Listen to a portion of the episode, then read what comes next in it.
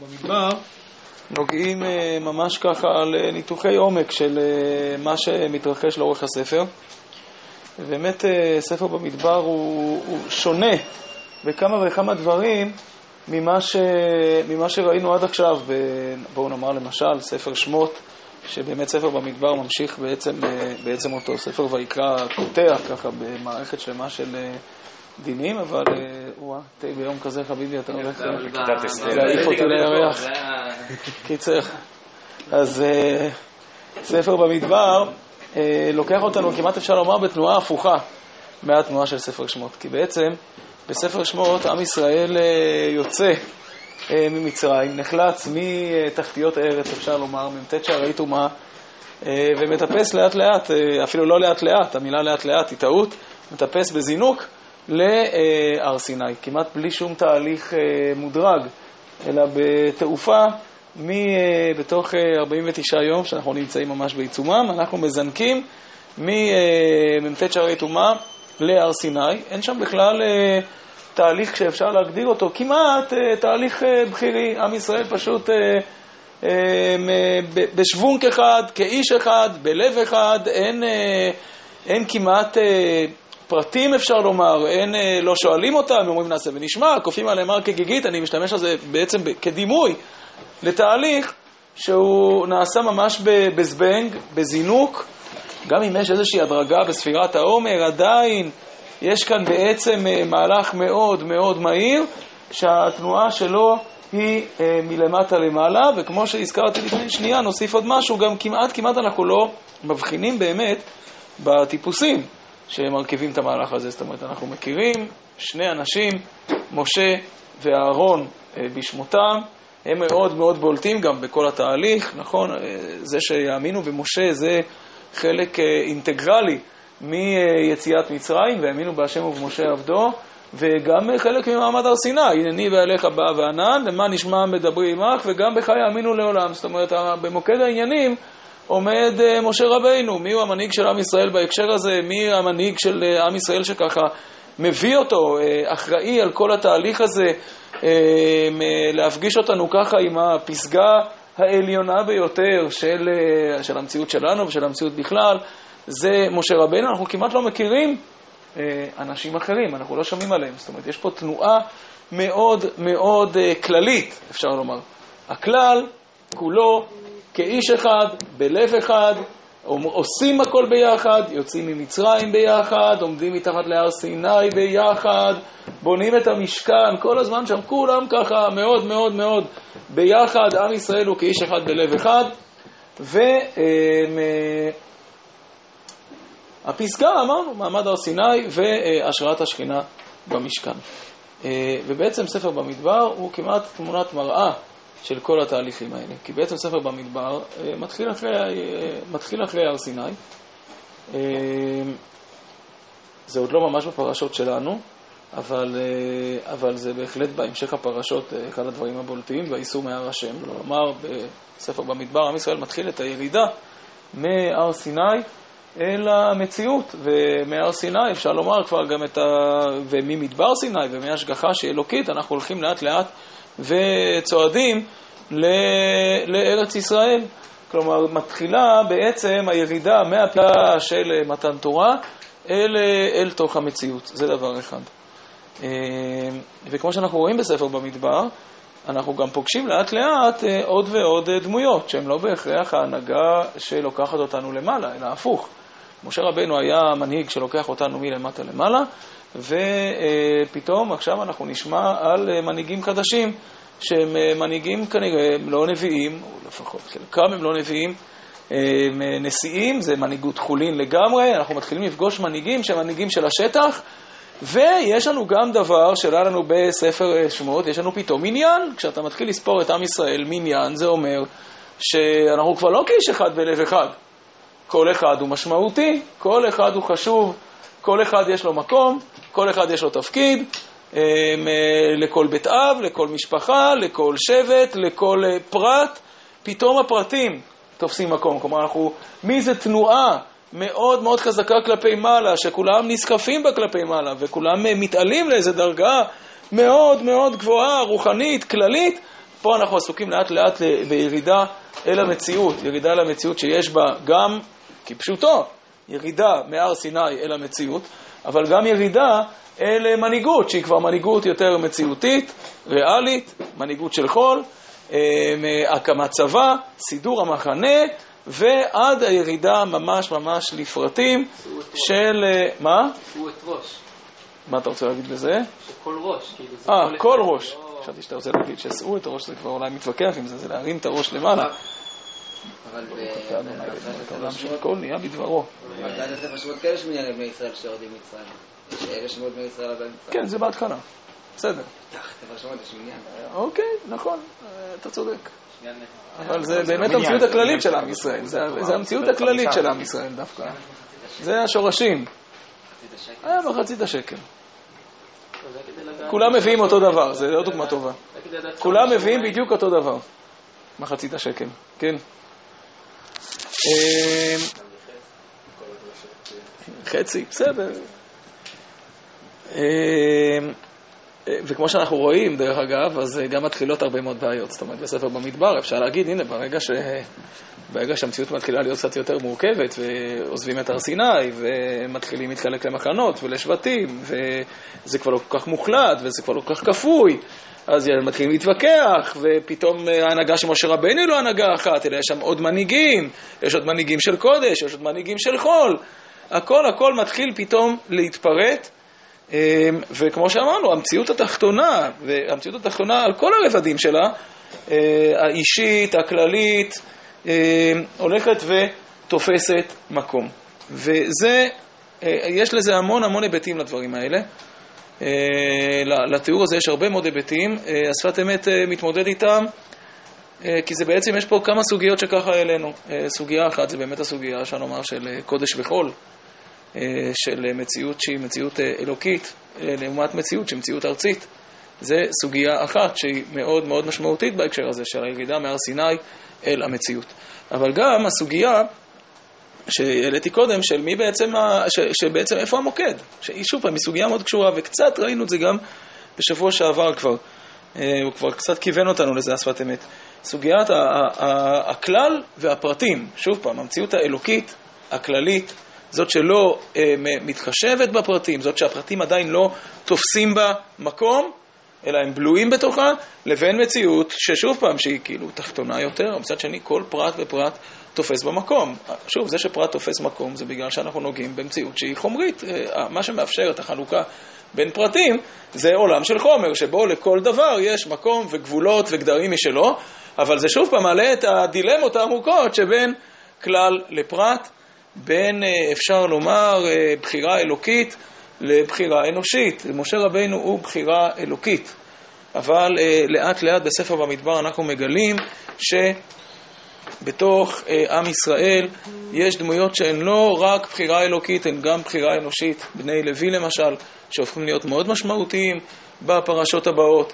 הם אנשים שבעצם לא היו מלכתחילה בחירה אלוקית, אלא הם מה שהשפת אמת ככה גם מדבר עליו הרבה, הם אנשים שכתוצאה ממעשיהם הפכו להיות קרובים יותר.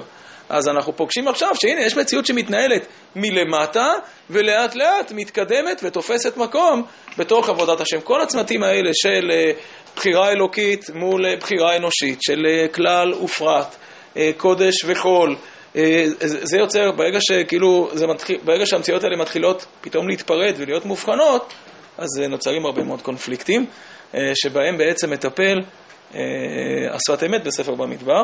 אנחנו, אני אומר את זה בהתחלה, כי כדי שזה יהיה לנו ככה בראש, לאט לאט אנחנו נראה שבאמת הדברים נוגעים לזה בכל מיני סוגיות שאנחנו נראה. אבל עכשיו בואו נתחיל לראות איך הוא פותח את ספר במדבר, וכבר בפרשה שלנו, אני אומר, יש לנו אירוע כזה.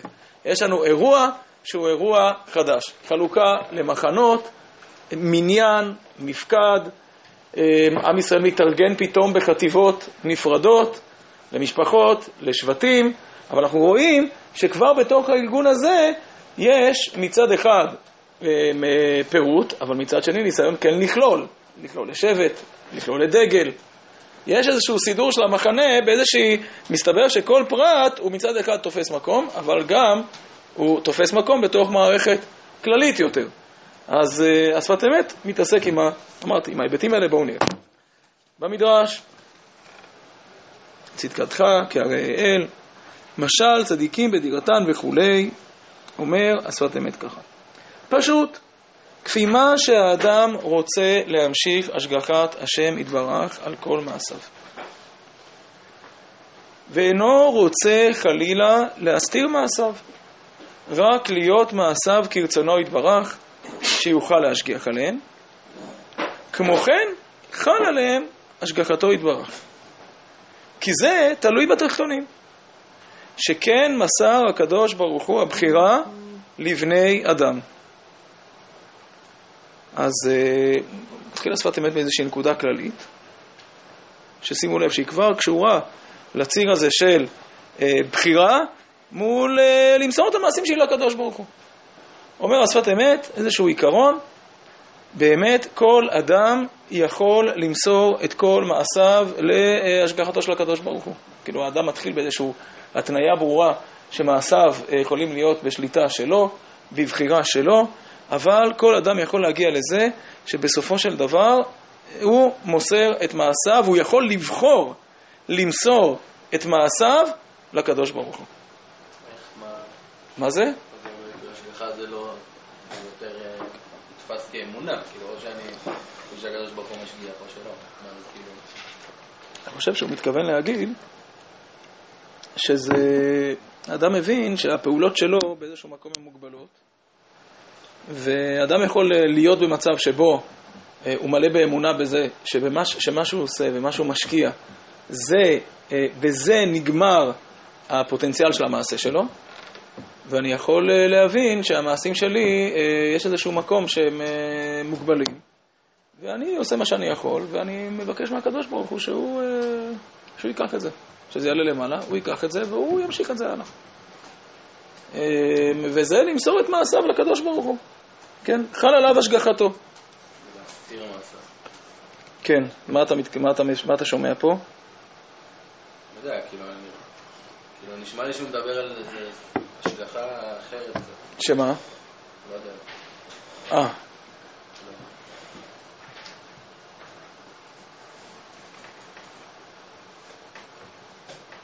לא יודע, אז תעזרו לי. מה אתם אומרים?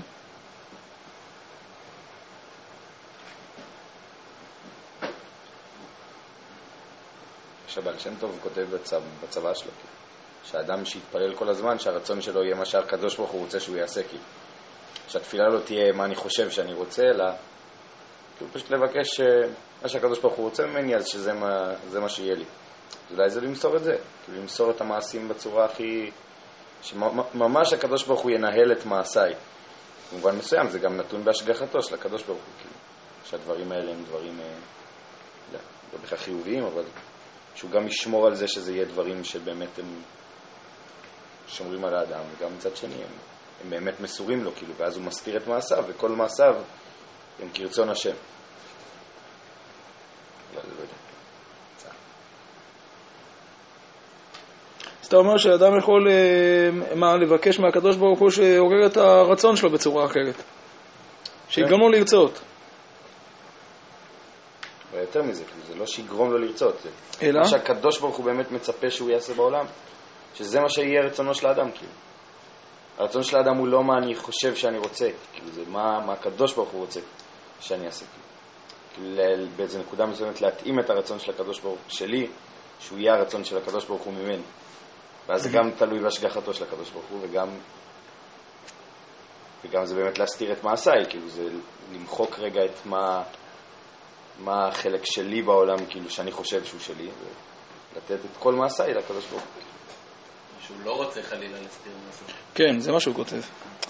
כאילו אדם יכול לעשות את המעשים שלו בלי לתת דין וחשבון לקדוש ברוך הוא, ככה זה נשמע פה באמת. כאילו אדם חי, ב, כאילו אדם יכול לבחור לחיות ב, ב, בתודעה שהוא מסתתר מהקדוש ברוך הוא ועושה מה שבא לו, ואז אה, הקדוש ברוך הוא ייתן לו, נותן לו, נותן לו ללכת עם הבחירה שלו, כלומר, הוא אומר לו בסדר, אתה רוצה לחיות אה, בלי לתת לי דין וחשבון.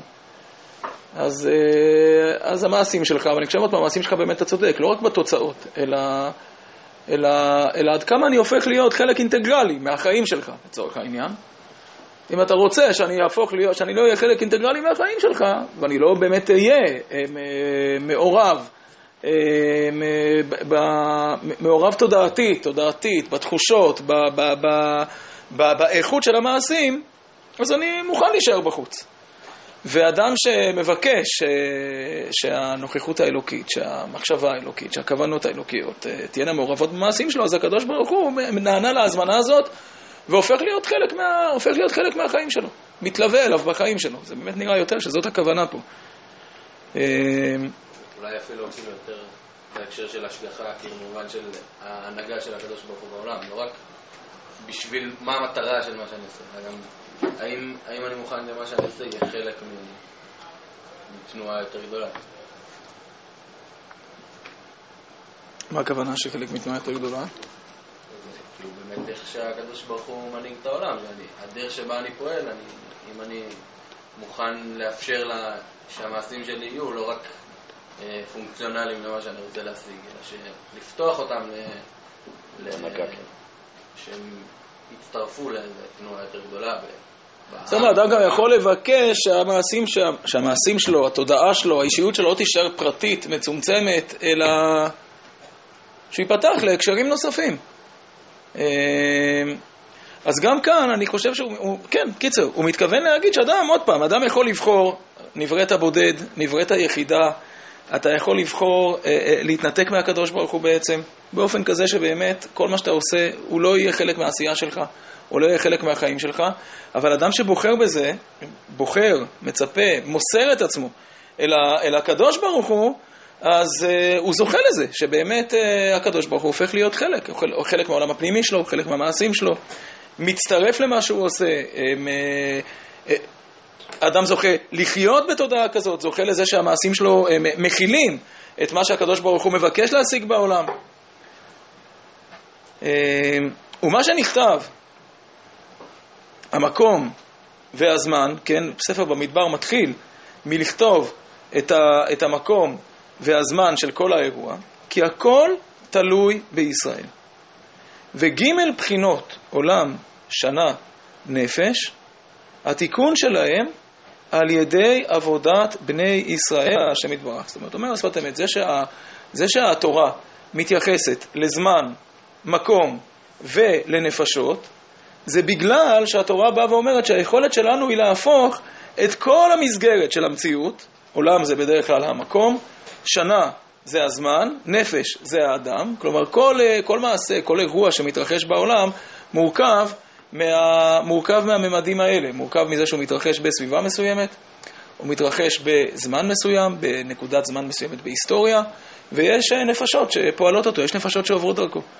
ואומר המדרש, כשהקדוש ברוך הוא מונה עכשיו את עם ישראל, והוא מונה אותם במדבר סיני, בחודש השני, בשנה השנית, זה שהתורה טורחת לתאר את זה, זה בגלל שהתורה טורחת לתאר לנו איך אנחנו יכולים לתת משמעות לכל אה, רובד מהרבדים של המציאות. הכל תלוי בישראל. ובמדרש, במס, במספר, במשקל לכל, לכל הררים יש מידה גבול. ולישראל אין דבר. ומצד שני כתוב, כן, והיה מספר בני ישראל, ככל הים, אשר לא יימנה ולא ייספר. כלומר, המדרש מתחיל מאיזושהי תמיהה, אומר השפת אמת. המדרש מתחיל מתמיהה איך אפשר לספור את בני ישראל. האם עם ישראל שייכים לעולם הנספר? העולם הנספר, שוב פעם, זה העולם של הפרטים. זה העולם של הפרטים, שבו לכל דבר יש מקום פרטי, וכל דבר תופס את המקום שלו ולא מתערבב עם יחידה אחרת. עם ישראל, האם עם ישראל שייך לעולם של הנספר, לעולם של המספרים, לעולם של הפרטים, לעולם הזה, החומרי, שבו לכל דבר הוא יחידה בפני עצמה שלא מתערבבת עם היחידה שלידה, או שעם ישראל שייך, מספר בני ישראל, ככל הים אשר לא יימנה ולא ייספר, אומר, אומר המדרש, עם ישראל בכלל לא שייך. זה שאתה לא יכול למנות את בני ישראל, זה שלמנות את בני ישראל זה סוג של קללה, זה בגלל שאני בעצם לוקח מציאות שהיא מציאות לא ממשית, לא ממשית אני מתכוון לא פיזית, לא חומרית, ואני אה, רוצח אותה, אני הורג אותה. אני לוקח אותה ומכניס אותה לתוך תבניות של עולם חומרי. איך אתה סופר את בני ישראל? זה בעצם השאלה ש... אה, שהשפת אמת מבין שהמדרש שואל. ביאור הדברים, כי בני ישראל נותנים מידה וגבול לכל הדברים. ומאי תמה נמשלו כחול, כמו שכתוב, שמתי חול גבול הים. כמו כן, כפי דבקות כל הדברים לבני ישראל ולתורה. זה קיום שלהם. ומצד זה יש מספר לבני ישראל. מצד שעל ידיהם נמשך מידה וקצבה לכל הנבראים. אבל מצד עצמם אין להם מספר. לכן כשנספרו שלא לצורך, נחסר מהם. כי לא שייך בהם עניין. על כן לא יכול להתקיים בהם המניין. והקדוש ברוך הוא ציווה למנותם, כי הוא נותן מניין גם לכוכבים, כמו שכתוב, מונה מספר לכוכבים. והכתוב מתרץ עצמו, למה נמנו בני ישראל רק לצורך המקום והזמן כאמור. אומר השפת אמת, אתה מוצא בבני ישראל לעולם שני צדדים. מצד עצמם, אני רוצה שנייה להחליף את המושגים שלו, מצד עצמנו אין לנו שום שייכות למה שמתרחש פה בעולם הזה. אין לנו שייכות לזה. אתה שואל האם המקום שלנו זה העולם הזה? על כל ההתעסקות שלו, ועל כל ההתפרטות שלו, ועל כל המורכבות שלו, וזה שיש בו טוב, ויש בו רע, ויש בו גוף, ויש בו זמנים שהם זמנים טובים, וזמנים שהם זמנים לא טובים, מה לנו ולזה? אנחנו שייכים למציאות שבה הכל שלם, הכל טוב, אין בה חלוקה. כן, את הקדוש ברוך הוא אפשר לספור. יש בו חלקים, יש בו חלקים טובים יותר, יש בו חלקים טובים פחות, יש בו חלקים יותר קדושים, חלקים פחות קדושים, חלקים טמאים. אנחנו חלק אלוקא ממעל. כמו שהקדוש ברוך הוא לא ניתן לחלק אותו, אלא הוא שלם בכל מיני שלמות. אין לו בעצם נגיעה בכלל למציאות שהיא מציאות מתחלקת. אז גם אנחנו כאלה, שייכים לעולם שאין בו מספר. לכן כל פעם כשאתה סופר את בני ישראל, אתה אה, הורג אותם. זה קללה.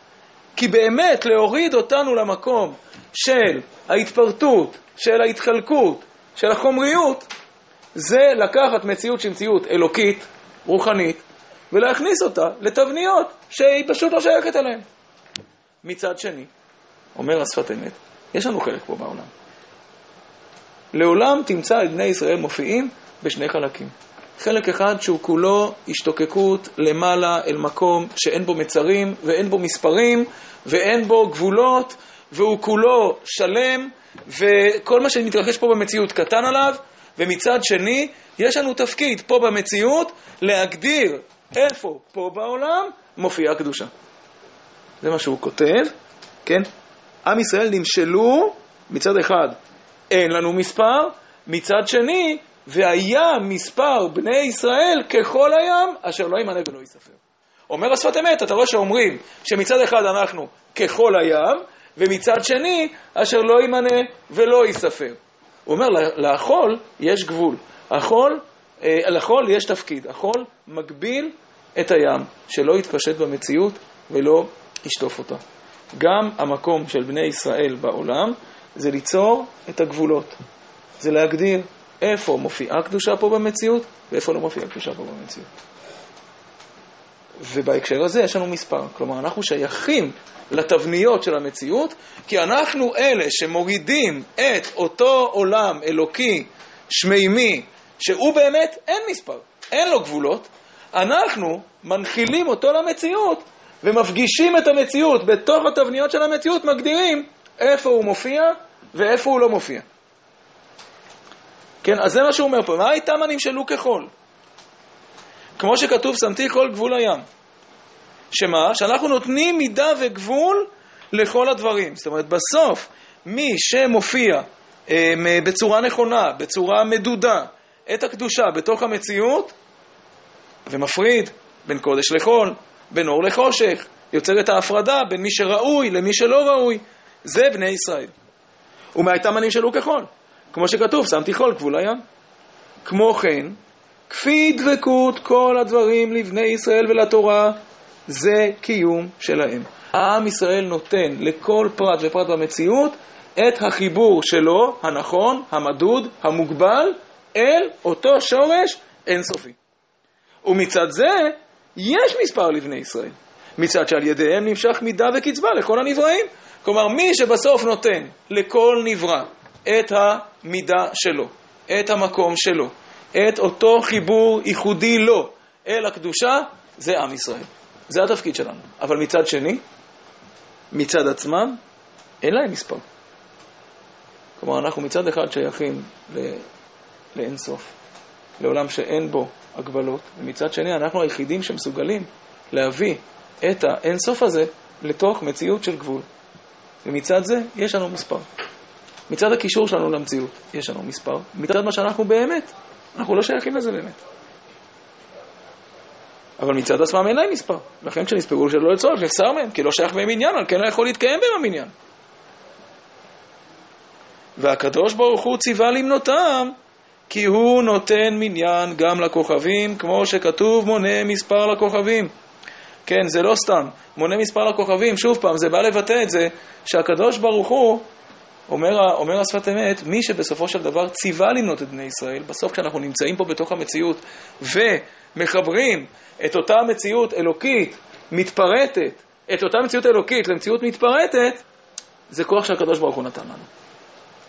זה כמעט, הייתי אומר, זה הקדוש ברוך הוא ציווה אותנו לעשות את זה, בשבילו. אנחנו רואים שגם הקדוש ברוך הוא, יש בו בחינה כזאת של כוכבים. כוכבים זה הערה מוגבלת שמאירה בתוך מציאות של חושך.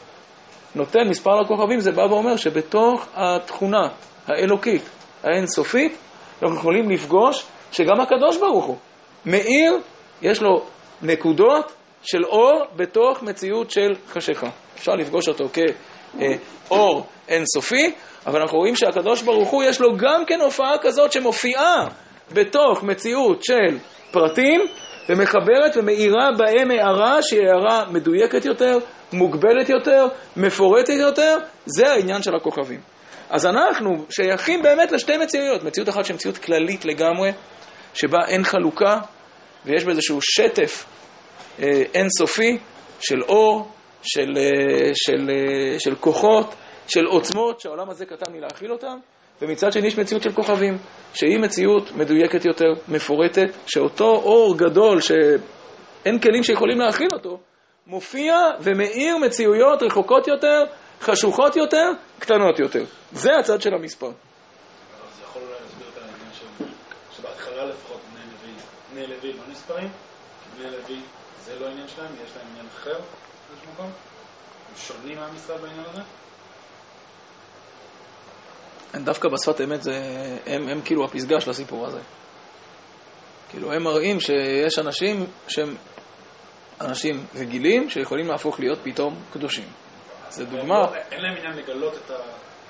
אין להם עניין להתערב במציאות, הם רוצים רק להתערב. אה. לא להתערב בתוך המציאות. להישאר במקום מבודד, להיות בערי טוב, אה, זה... זה מעניין מה שאתה אומר. בוא נחכה לפרשת קורח, אולי זה שם בא לידי ביטוי, כאילו, משהו מזה. אולי כאילו, יש פה שני צדדים בתופעה הזאת של גבול. מצד אחד גבול הוא מגביל את האינסוף, מצד שני הוא באמת, כמו שהוא אומר, הוא נותן לו מקום, כאילו, הוא מאפשר לו להיות, זה נכון. לגמרי. אולי, כאילו דווקא מצד זה שעם ישראל הוא אינסופי, אז הוא גם צריך שיהיה לו את האפשרות להיות...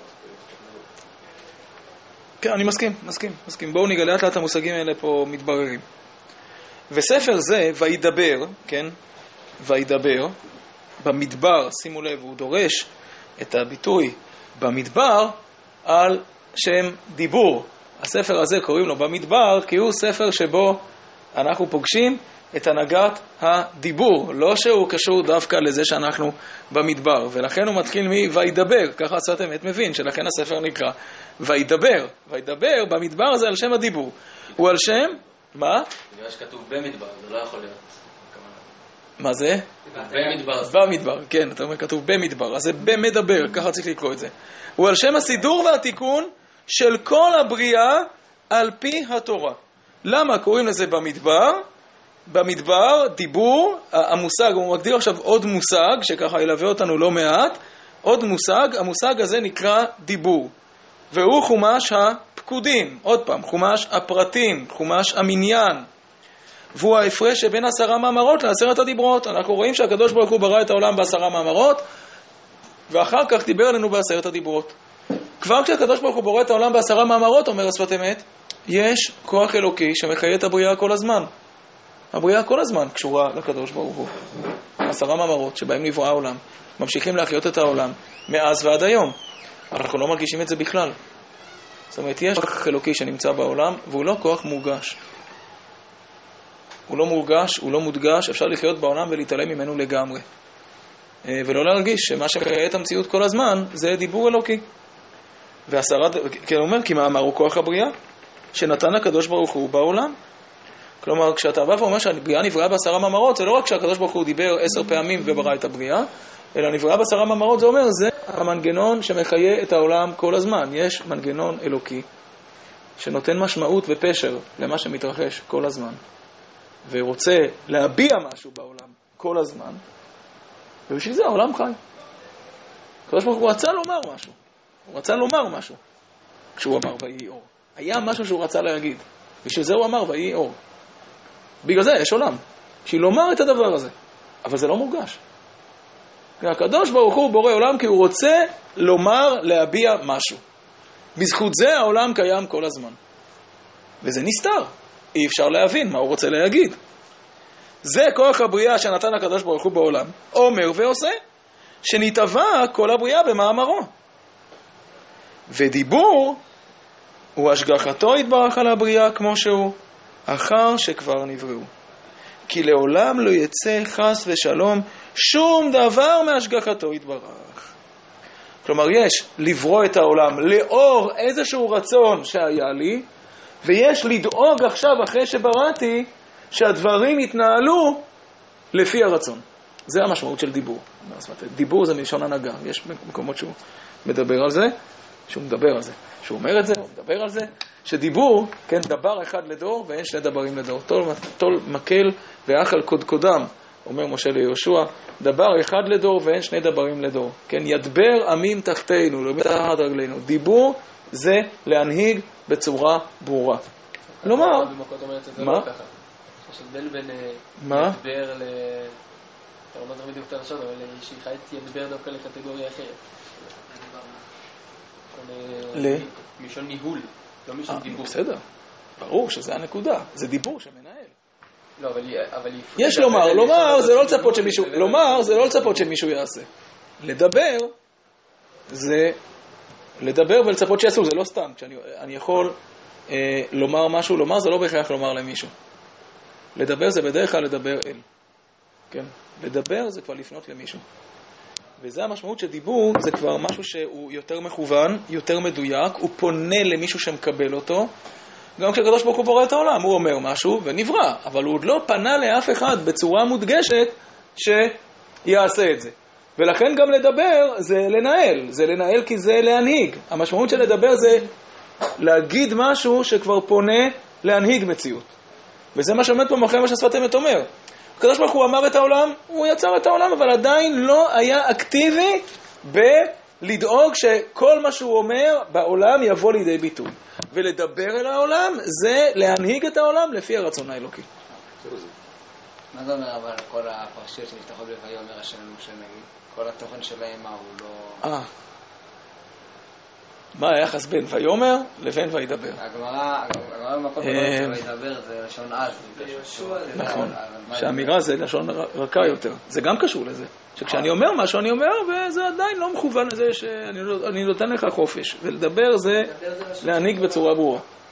אז אתה שואל מה זה אומר על כל הפרטות האלה? לא יודע. מעניין אם הוא מדבר על זה. יש יש על זה דברים של רבי נחמן, דרך אגב. רבי נחמן אומר שכל פעם שכתוב ויאמר, זה בעצם עיקר הדבר. ובכלל לא... משהו מזה מתגלה אליך, כאילו, ויאמר זה היה משהו בין משה לק- לקדוש ברוך הוא שאתה בכלל עוד לא יכול לתפוס אותו. זה התדרים הסמויים שהם עיקר מה שהתרחש בתורה. אבל טוב, זה לא רוצה לערבב אותו פה, זה לא, לא בטוח שזה מה שהשפת אמת יגיד.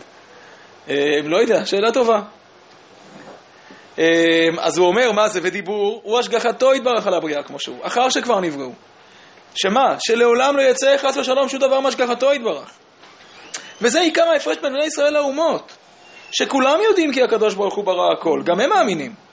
אך בני ישראל יודעים שהשם יתברך משגיח ומחדש בכל יום תמיד, בכל רגע מעשה בראשית, וזה בחינת דיבור. בחינת דיבור זה להבין שהקדוש ברוך הוא לא רק ברא את העולם, אלא עומד, מנהל, משגיח בכל שעה, בכל שנייה, על כל פרט, אין דבר שיוצא מרשותו. והוא גם כן ההפרש בין בחינת אדם ובהמה. כמאמרם ז"ל אתם קרויים אדם. כי בהמה הכוח שיש בה אין לה התפשטות, זאת אומרת גם בהמה נברא מכוח אלוקי. גם אותה הקדוש ברוך הוא מחיה, אבל זה לא בא לידי גילוי, היא לא מגלה את זה, היא לא מבטאת את זה, זה לא הופך להיות משהו שמלווה את כל החיים שלה. ואדם נברא להוציא פנימיותו מכוח אל הפועל. וזה שנקרא מדבר, כי בדיבורו, מה זה מדבר?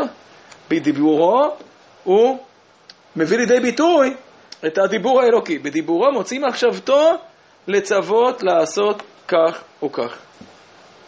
ובני ישראל מיוחדים בדיבור המקודש, והם דברי תורה, ובכוח זה מנהיגים את כל הנבראים. אז אומר, אומר השפת אמת, מה שמתרחש פה עכשיו בספר במדבר, זה העובדה שעם ישראל מקבל את התכונה הזאת של להנהיג את כל המציאות, להנהיג את כל הנבראים, להנהיג את כל פרטי המציאות לפי התורה. עד עכשיו זה לא, לא נפגשנו עם זה, נפגשנו עם זה בעשרת הדיברות. נפגשנו בפוטנציאל הזה שהקדוש ברוך הוא נתן לנו, את היכולת הדיבורית, ההנהגתית הזאת, לקחת את הרצון שלו ולהפגיש את המציאות איתו, ועכשיו הקדוש ברוך הוא סופר אותנו ונותן לנו תפקיד ואומר לנו, אתם ממונים על המציאות להנהיג אותה לפי רצון השם. לכן כתב בזוהר הקדוש, כי במצרים היה הדיבור בגלות, כן, במצרים, הדיבור, הנהגת השם את הבריאה, לא הופיע, היא הייתה נסתרת, ובקבלת התורה, ברגע שקיבלנו את הדיבור, בעצם קיבלנו את המפתח להבין ולהפגיש את העולם עם רצון השם, בצורה ברורה. נתקן הנהגת העולם על פי התורה כנ"ל. עכשיו, כמו שאנחנו רואים, הדברים האלה מאוד קשורים למה שהשפת אמת אה, דיבר עליו אה, כבר בהתחלת הקטע, כן? כי בהתחלת הקטע הוא בא ואמר שכל בן אדם יכול לבחור האם הוא הופך להיות אה, דיבור אלוקי, זאת אומרת, האם הוא הופך להיות מדבר. מה זאת אומרת מדבר? שמבקש שהקדוש ברוך הוא לא רק יהיה איזו אמונה פשוטה וכמוסה שלו, אלא שהקדוש ברוך הוא יהיה משהו שמופיע בכל פרטי המעשים שלו. אה, להיות אה, מדבר, להיות מדבר, הכוונה להיות אה, מדבר, להיות מישהו שבכל המעשים שלו השגחת השם מופיעה ודבר השם מופיע בכל פרט בפרט מהמעשים שלו. ואדם יכול להיות לא מדבר, זאת אומרת להיות בן אדם שמאמין באיזשהו מקום, בסתר ליבו, בזה שהקדוש ברוך הוא ברא את הכל ומשגיח על הכל, אבל עדיין את הצד המעשי שלו הוא שומר לעצמו. כן, את הצד המעשי שלי אני לא מוסר לקדוש ברוך הוא, אני שומר אותו לעצמי. ובמעשים שלי, כל החלק המעשי שלי, שם הקדוש ברוך הוא לא מופיע. אז אומר השפת אמת, מה שמתרחש כאן בספר במדבר, זה באמת היכולת הזאת להפגיש את כל האישיות, על כל פרטיה ואת כל המציאות, עם רצון השם. בואו נראה על זה עוד אה, קטע עכשיו, שמטפח את זה עוד קצת. שפת אמת בתרמ"א. במדרש נרננה בישועתך ובשם אלינו נדגול, ימלא השם כל משאלותיך, שהיו מתהווים בני ישראל את דגלים. השפת אמת מביא מדרש שאומר שכשבני ישראל היו בהר סיני, הם ראו שלמלאכי השרת יש דגלים, והם גם השתוקקו לדגלים. יש פה איזה ביטוי מאוד מיוחד, גם בני ישראל התאוו לדגלים.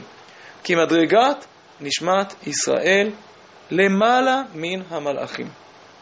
ובחינת המלאכים הוא השורש של הנבראים בעולם הזה.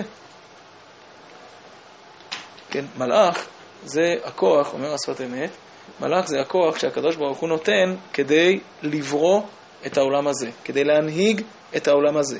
כן, בפשט, זה שליח, זה כוח שבסוף מכוון להנהיג ולנהל את העולם הזה. אז כל הפנייה של מלאך היא, אפשר לומר, מלמעלה למטה. זה כוח אלוקי שהוא כבר מצומצם. הוא יורד ומכוון אה, ליצור את המציאות. בני ישראל התהוו גם כן להמשיך כל הברואים אליו יתברך. כלומר, כשאתה בא ואומר שבני ישראל התהוו לדגלים, אז אומר השפת אמת, ההשתוקקות של בני ישראל היא לקחת את כל המציאות ולחבר אותה למעלה. אם נשים לב, כן, שהתנועה התנועה, של ה... התנועה שהדגל מבטא, ממש באופן פשוט. אז uh, יש לנו התרחשות למטה, והדגל הוא באיזשהו מקום מכוון, עומד לו ככה למעלה, ומכוון את כל מה שמתרחש uh, למטה עם איזושהי תנועה כלפי מעלה. זה לא סתם שלכל כמה מחנות היה דגל. כאילו יש לנו מחנה צבאי, יש לנו איזה מחנה צבאי שם במחנה ישראל, ומה שמחזיק אותם, יש איזשהו לב פנימי, שזה הדגל הזה, שהוא מבטא, כאילו עומד ככה למעלה, והוא מבטא מה מופיע כאן. המחנה הזה, המחנה הצבאי הזה, מסביב למה הוא מאורגן, מה עומד בלב שלו, מה עומד בתשתית שלו, מה מזרים לו את החיים, מאיפה הוא שואב את ה... מאיפה הוא שואב את, ה... את האיכות שלו, את הכוח שלו, את ההתלכדות שלו. כלומר, הדגל בדיוק מבטא את אותה נקודה פנימית, את אותה נקודה פנימית, את אותה נקודה מרוממת, שכל הפרטים האלה שנמצאים מסביבו מביאים לידי ביטוי. בני ישראל מתהווים לדגלים, זה אומר שבני ישראל נמצאים פה, בתוך המציאות, אבל באמת משתוקקים לזה שהמציאות תיקח למקום שהוא יותר גבוה, שהיא תתלכד מסביב למקום שהוא יותר גבוה, שהוא יותר עמוק. זה קשור, זה עוד מעט זה ריקוד דגלים, נכון? זה קשור מאוד לדבר הזה. לא, זה באמת קשור. יש משהו בדגל שעושה את זה. שכאילו הוא, הוא, הוא, הוא מרים אותנו מעבר, ל, מעבר למציאות שלנו היומיומית, ואומר, מסביב, לא מסביב, כל המציאות הזאת היא מסביב לאיזשהו ערך, היא מסביב לאיזשהו לב, היא מסביב לאיזה משהו אחר, שהוא יותר גבוה, שהוא לא יורד לתוך הפרטים, שהוא לא יורד לתוך המציאות הזאת, הוא נותן לה את הערך שלה, אליו, מכוחו היא, מכוחו היא נעה, אליו היא שואפת.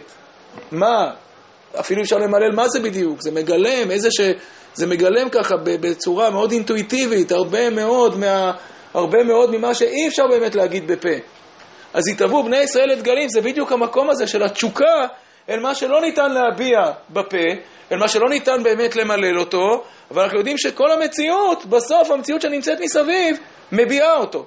היא חיה אותו, היא מביעה אותו, וכל התשוקה הזאת בסוף, זה הדבר שמניע את כל המחנה הזה שעומד מסביב לדגל הזה. אז אומר השפת אמת, בני ישראל יורדים מהר סיני, אבל הם ממשיכים להשתוקק, להתאבות אל הדגלים, שזה בעצם אומר לקחת את כל המציאות התחתונה הזאת ולמשוך את כל הברואים אליו יתברך. וזהו עניין הדגלים. והוא שרצו להרבות כבוד שמו יתברך בעולם. כלומר, זה לבוא ולהגיד שמעל המציאות של העולם יש משהו שכל העולם הזה יכול להכיל אותו. רצית להגיד משהו? כן, סתם מזכיר לי שלא בכללים עם דגל, בלי דגל, לא מסתכל משהו כזה. יצאנו וכזה פשוט נאבדנו, לא היה דגל, לא היה שם דבר, לא היה דגל. שאחר כך הגענו עם דגל ישראל ענק. ואז כבר הייתה את הבעיה. יפה. אמ, וזהו עניין הדגלים, והוא שרצו להרבות כבוד שמו יתברך בעולם. כמו שכתוב, בשם אלוהינו נדגול. כלומר, מה זה, מה זה, מה זה, מה זה הדגלים? אז הוא אומר, הדגלים זה בשם אלוהינו. כלומר, זה להופיע בדיוק את אותו שם, את אותו מציאות אלוקית על העולם. כי בעצם השורש אין מחסור. שוב פעם, אומר השפת אמת. יש מציאות שהיא מציאות שלמה, המציאות של השורש כל הזמן שלמה. היא לא נופלת לתוך הקלקולים ולתוך הפחיתות שיש פה בעולם. ולכן, כן, אז כי בעצם השורש אין מחסור. ולכן ימלא השם כל משאלותיך, קאי על התקרבות הדברים שבעולם הזה. שוב פעם, עם ישראל שייך מצד אחד למציאות של שורש שהיא שלמה לגמרי, ויש מציאות שבה יש חיסרון, ובה יש משאלות, שרוצה להתקרב אל השורש הזה, לינוק ממנו, להתמלא ממנו. וכן איתה, כל המענג השבת, שהיא מציאות שלמה, כל המענג השבת, שמשייך את עצמו למציאות השלמה של שבת, נותנים לו משאלות ליבו. כלומר, אותו אדם ששייך למציאות השלמה של שבת, שבה אין חיסרון, מצליח להביא אותה לידי ביטוי ולמלא את החוסר שיש לו פה בעולם הזה. והוא עניין אחד לא מבין, ומשאלות הלב היא בימי העבודה והמעשה.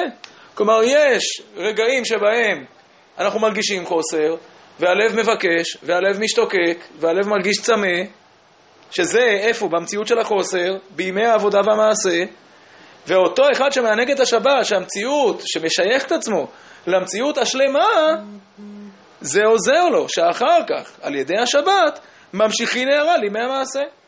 כפי השמחה והעונג בשבת, כמו שכתוב, נרננה בישועתך, ובשם אלוהינו נדגול, ככל שנהיה שייכים, הוא חוזר לפסוק, נרננה בישועתך ובשם אלוהינו נדגול, כשם שנהיה יותר שייכים אל הדגל, אל המציאות השלמה הזאת של שם השם, נזכה שבימי החול ימלא השם כל משאלותיך.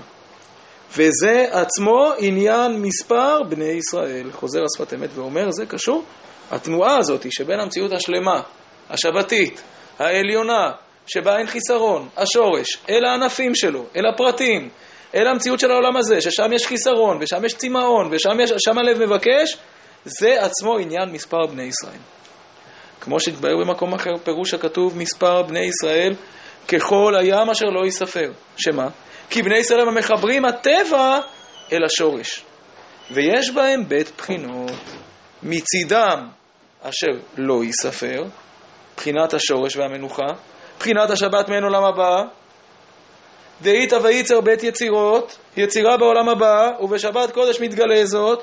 כלומר, אומר השפת אמת, מצד אחד אנחנו שייכים לעולם שבו אין מספר, אין פרטים, אין עולם חומרי, אין ממשות. אנחנו שייכים לעולם שלם, אל העולם הבא, ומצד זה אין לנו חיסרון.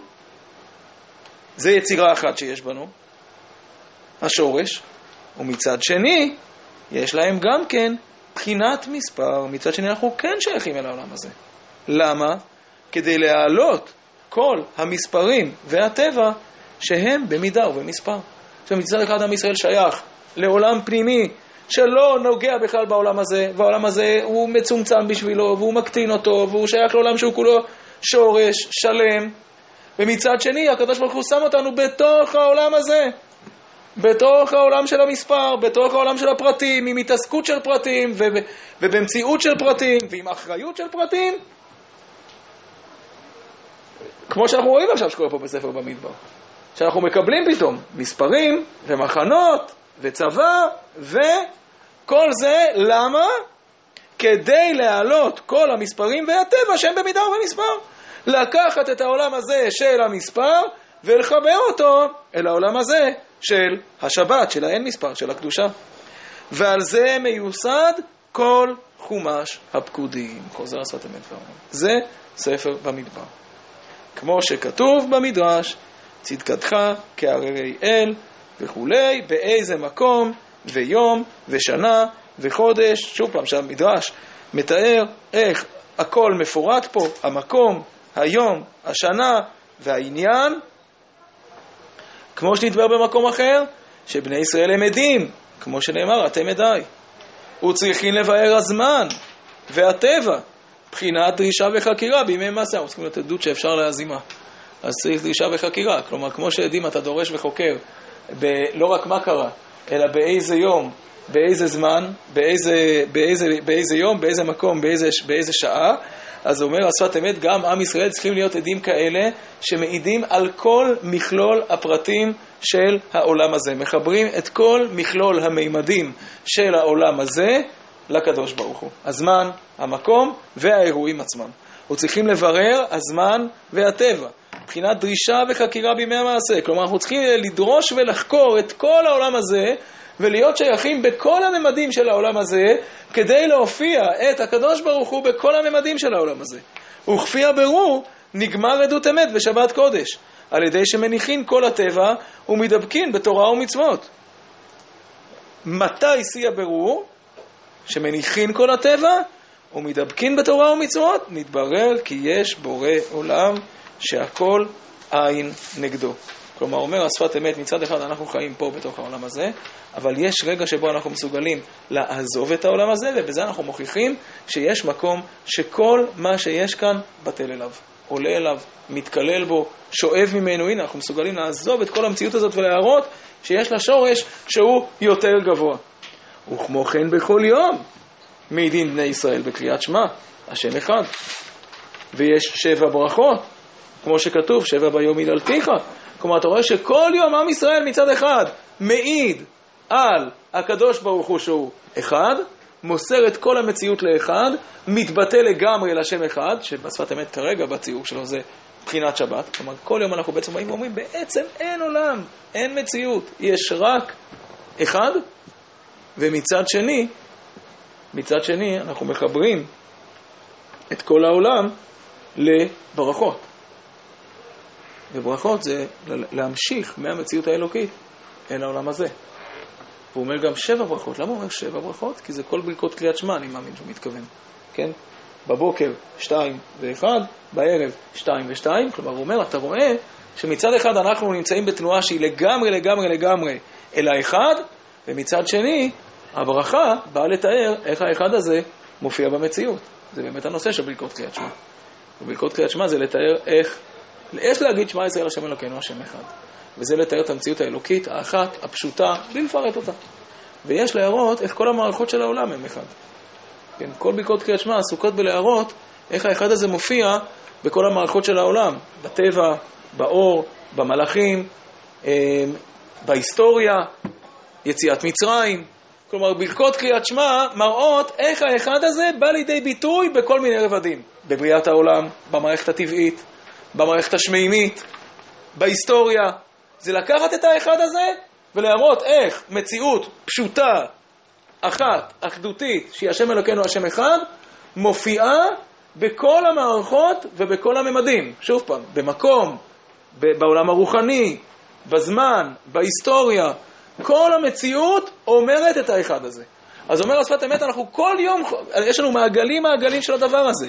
יש לנו, שמה יש לנו שבת קודש, שבה אנחנו בעצם מתבטלים אל הקדוש ברוך הוא, מוסרים את כל המציאות שלנו אליו, ומראים איך אנחנו שייכים אל מציאות אחת, פשוטה, שכל העולם בטל אליה, ובמשך ימי המעשה אנחנו חוזרים ומראים איך האחדות הזאת מופיעה בתוך העולם הזה, על כל המכלול של הפרטים.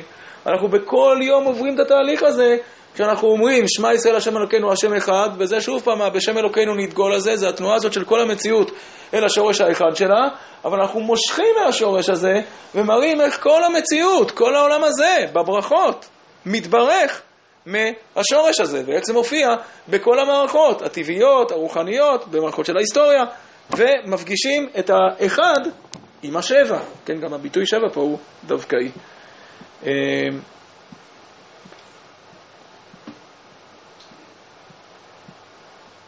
טוב, בואו נקרא פה עוד משפט, ציטטתי פה משפטים מפרשת בלק, ששם גם השפת אמת חוזר על העיקרון הזה, שוב פעם בעוד איזה ניסוח, הוא אומר ככה, בבלק תרל"ט, כי יש לבני ישראל בית מדרגות, בבחינה עליונה חלק השם ממש, מצד אחד. מצד שני, ויש להם גם כן חלק בכלל האומות. מצד אחד אנחנו חלק השם, ומצד שני אנחנו חלק מהאומות המאוחדות בסוף, צריכים להסתדר איתם, הפוליטיקה. לכן אנחנו מהדרים גם, עושים בחירות כמה פעמים, אנחנו ממש חלק מהאומות. כנגד כל אומה אנחנו עושים בחירות כאלה כל שנה כמה וכמה פעמים. אז יש להם חלק גם כן בכלל האומות. הגם כן נראה כי תהלוכות שלהם בין האומות, מצד אחד אתה מסתכל ואתה אומר, וואלה, הם חלק מהאומות, הם, הם, הם, הם בחבר'ה. לא, מכל מקום, לבדד ישכון, ובגויים לא יתחשב. מצד אחד אנחנו חלק מהעולם הזה, ומצד שני, לבדד לגמרי. הוא לא נמנים כחלק מהם. השם אלוקיו עמו, מצד אחד, ותרועת מלך, מצד שני, גם כן בית בחינות.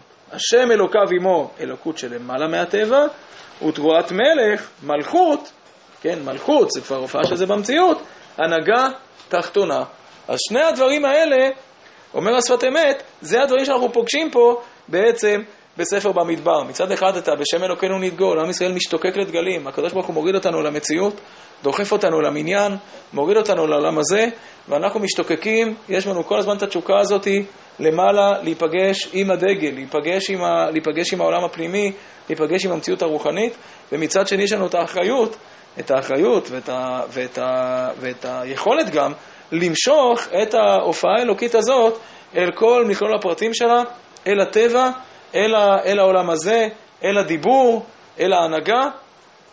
אה, כמובן, הדברים האלה מאוד אה, יפים לומר אותם לפני, אה, באמת באמת לפני יום ירושלים, לא רק בגלל, לא רק בגלל הריקוד דגלים. כי אני מרגיש שבאמת לא לחינם, לא לחינם פרשת במדבר היא תמיד קרובה, או לפני או מיד אחרי יום ירושלים. זה לא סתם, זה באמת באמת, אני חושב, קשור לתנועה שאנחנו עושים ביום ירושלים. ביום ירושלים אנחנו אה, מגלים שאנחנו מטפסים, מי, אנחנו מתחילים את, ה, את כל ההליכה הזאת בספירת העומר מיום, מיום העצמאות, יוצאים ממצרים, שזו יציאה פיזית, והולכים ומתרוממים לאט לאט אל אה, מעמד הר סיני, והנה פתאום מתברר שגם בדרך יש לנו שני חגים שבדיוק יושבים על המתח הזה, שבין יום העצמאות, שזה המציאות של בני ישראל כעם כחלק מהעמים, אפילו האומות המאוחדות היו חלק מההחלטה הזאת, לתת לנו את העצמאות שלהם. הם הבינו שאנחנו חלק מהעמים, זאת אומרת, זה היה, זה היה ברור. עם ישראל הוא חלק מהעמים, uh, והיה מספר בני ישראל. הם אמרו, יש פה עם, צריך לספור אותו גם כן. אז בואו נעשה הצבעה, נספור אותם, וניתן להם גם כן את זכות הקיום כעם ככל העמים. זה ברור, אבל אנחנו לא עם ככל העמים. יש לנו uh, תשוקה למקום הרבה יותר גבוה. Uh, uh, זה באמת מעניין שמהיום שעם ישראל uh, קיבל את העצמאות הזאת, לא הפסיקו לחלום על, ה... על ירושלים. לא הפסיקו לחלום על מה שנמצא מעבר להסכמה של האומות. ולא סתם. האומות לא הסכימו עד היום אל הדבר הזה. זאת אומרת, זה משהו שהיינו צריכים, אה, זה משהו שהיינו צריכים לקחת אותו מכוח עצמנו, ולא לקבל אותו מאומות העולם. את הצד כנראה, את הצד הפיזי, את הצד המעשי, את הצד שבו אנחנו שותפים עם האומות, אז אה, זה היינו יכולים לקבל מהאומות. אבל את הצד אה, של החלום, את הצד של החלום שהוא מעבר לעין של האומות, זה האומות לא יכלו לתת לנו. ויש בנו צד של חלום שחולם ומשתוקק לקחת את המציאות למשהו שהוא הרבה מעבר, וגם מבין כנראה שהערך של מה שקיבלנו בהתחלה הוא באמת לא מצד זה שאנחנו ככל האומות. קיבלנו את יום העצמאות בגלל ירושלים. העיר אלינו משהו מירושלים בהתחלה, הקומה הפיזית של המציאות, ה... המציאות הרוחנית שלנו הופיעה אלינו ביום העצמאות. יש כאלה שטועים לחשוב שהיא קומה פיזית מנותקת, אבל, uh, אבל uh, יום ירושלים מגלה לנו שבאמת uh, התשוקה שלנו ומסת הנפש שלנו והערך שאנחנו נותנים גם למציאות הפיזית הוא ערך אחר לגמרי. המציאות הפיזית שלנו והמציאות הביטחונית שלנו והמציאות שלנו ככל האומות, בכלל, היא, היא בכלל לא ככל האומות, היא שואבת את הערך שלה ממקום אחר לגמרי, של קודש. בשביל זה אנחנו רוצים את זה. אנחנו רוצים את זה בשביל להופיע קדושה למציאות. בשביל להופיע קדושה למציאות, צריך שתהיה לנו מציאות. אז אנחנו צריכים גם כן מדינה, כדי שיהיה מקום לקודש הזה. ובאמת באמת אנחנו משתוקקים לירושלים כל הזמן. אז uh, אנחנו קוראים את ספר במדבר בדיוק את הצומת הזאת. שבין uh, המניין שלנו, שאם זה נשאר סתם עניין, אז זה הורג אותנו, זה מוות.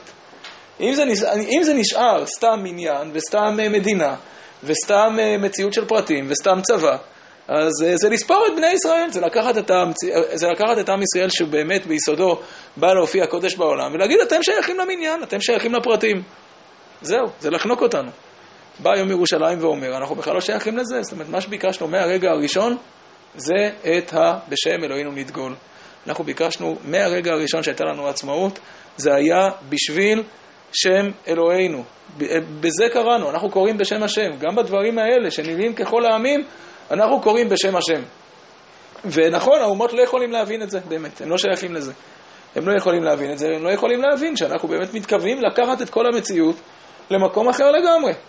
למקום אחר לגמרי, שכל המציאות המעשית שלנו שואבת ממקום אחר לגמרי, מירושלים, מקדושה, בשביל זה באנו לפה. אז באה פרשת במדבר, ואומרת את זה, תמיד סמוך ליום ירושלים.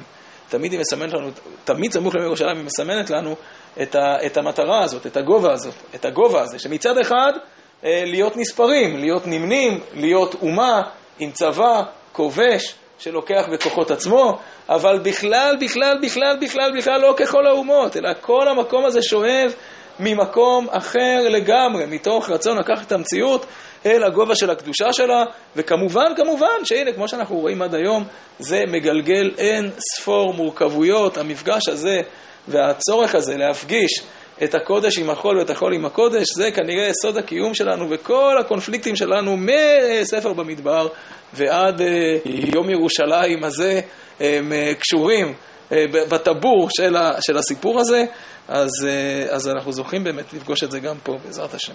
טוב?